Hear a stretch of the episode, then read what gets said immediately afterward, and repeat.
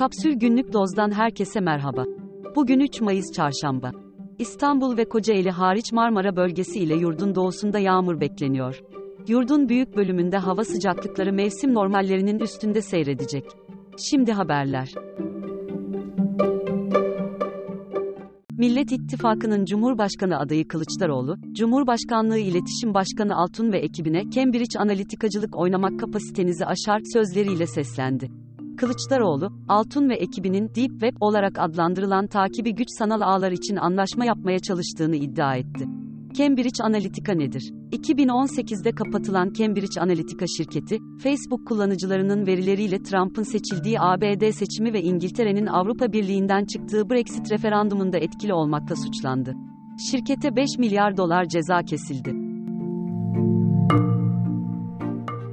Millet İttifakı'nı oluşturan partiler, seçimi kendi genel merkezlerinden takip edecek, oluşturulacak ortak veri havuzu aracılığıyla gelişmeler anlık olarak birlikte izlenecek. İnternet aksaklıklarına karşı ise 3 ayrı sunucu kiralanacak. Biri yurt dışında, ikisi ise Türkiye'nin farklı yerlerinde olacak. Yüksek Seçim Kurulu, 1 Mayıs itibarıyla yurt dışı temsilciliklerinde oy kullanan seçmen sayısının 644.972, gümrük kapılarında oy kullanan seçmen sayısının 52.605 olduğunu açıkladı. 2018 seçimlerinde ise ilk 5 günde yurt dışında 328.575 seçmen oy kullanmıştı. Türkiye, kripto para sahiplik oranında %27.1 ile dünyada ilk sırada, Arjantin ise %23.5 ile ikinci sırada. Her iki ülkenin ortak özelliği yüksek enflasyona sahip olmaları. Yerel para birimlerindeki hızlı değer kaybı, bireysel yatırımcıların alternatif alanlara yönelmesine neden oluyor. Dünya Ekonomik Forumu'nun anketine katılan ekonomistlerin %76'sı bu yıl hayat pahalılığının birçok ülkede kriz seviyesinde süreceğini, %67'si de yeni banka iflasları ihtimalinin yüksek olacağını düşünüyor. İsviçre merkezli bankacılık kurumu Swissquote, 5 ila 15 Mayıs tarihleri arasında Türk lirası alım satımı yapmayacağını duyurdu. Cumhurbaşkanı Erdoğan'ın seçimleri kaybetmesi, yeni hükümetin gevşek para politikası ile sıkı döviz müdahalesine son vermesi ve TL'yi serbest bırakmasının beklendiği aktarıldı.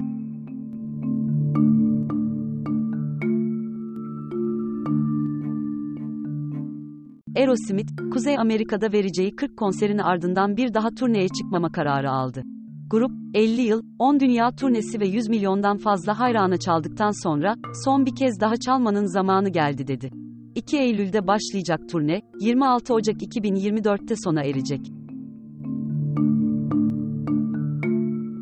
Fransa'da 1 Mayıs kutlamaları, emeklilik yaşını 65'e çıkarmayı öngören yasa tasarısı karşıtı gösterilere dönüştü. Protestolarda 291 kişi gözaltına alınırken 108 polis yaralandı. Suriye'nin kuzeyindeki Halep Havalimanı, İsrail'in düzenlediği hava saldırısının ardından kullanılamaz hale geldi. Saldırıda bir asker hayatını kaybetti, ikisi sivil 7 kişi yaralandı. Paraguay'daki seçimleri, 76 yıldır iktidarda olan Colorado Partisi kazandı. Ülkenin yeni devlet başkanı, eski ekonomi bakanı Santiago Pena oldu. Seçimler için ittifak yapan 14 muhalefet partisi, seçim öncesi anketlerin aksine oyların sadece %27.51'ini alabildi. Batı Şeria'daki İsrail'e ait askeri cezaevinde 86 gündür açlık grevinde olan 44 yaşındaki Filistinli Kadir Adnan yaşamını yitirdi. İslami Cihat Örgütü üyesi olan Adnan, son 8 yıl içinde 5 kez açlık grevi yapmıştı.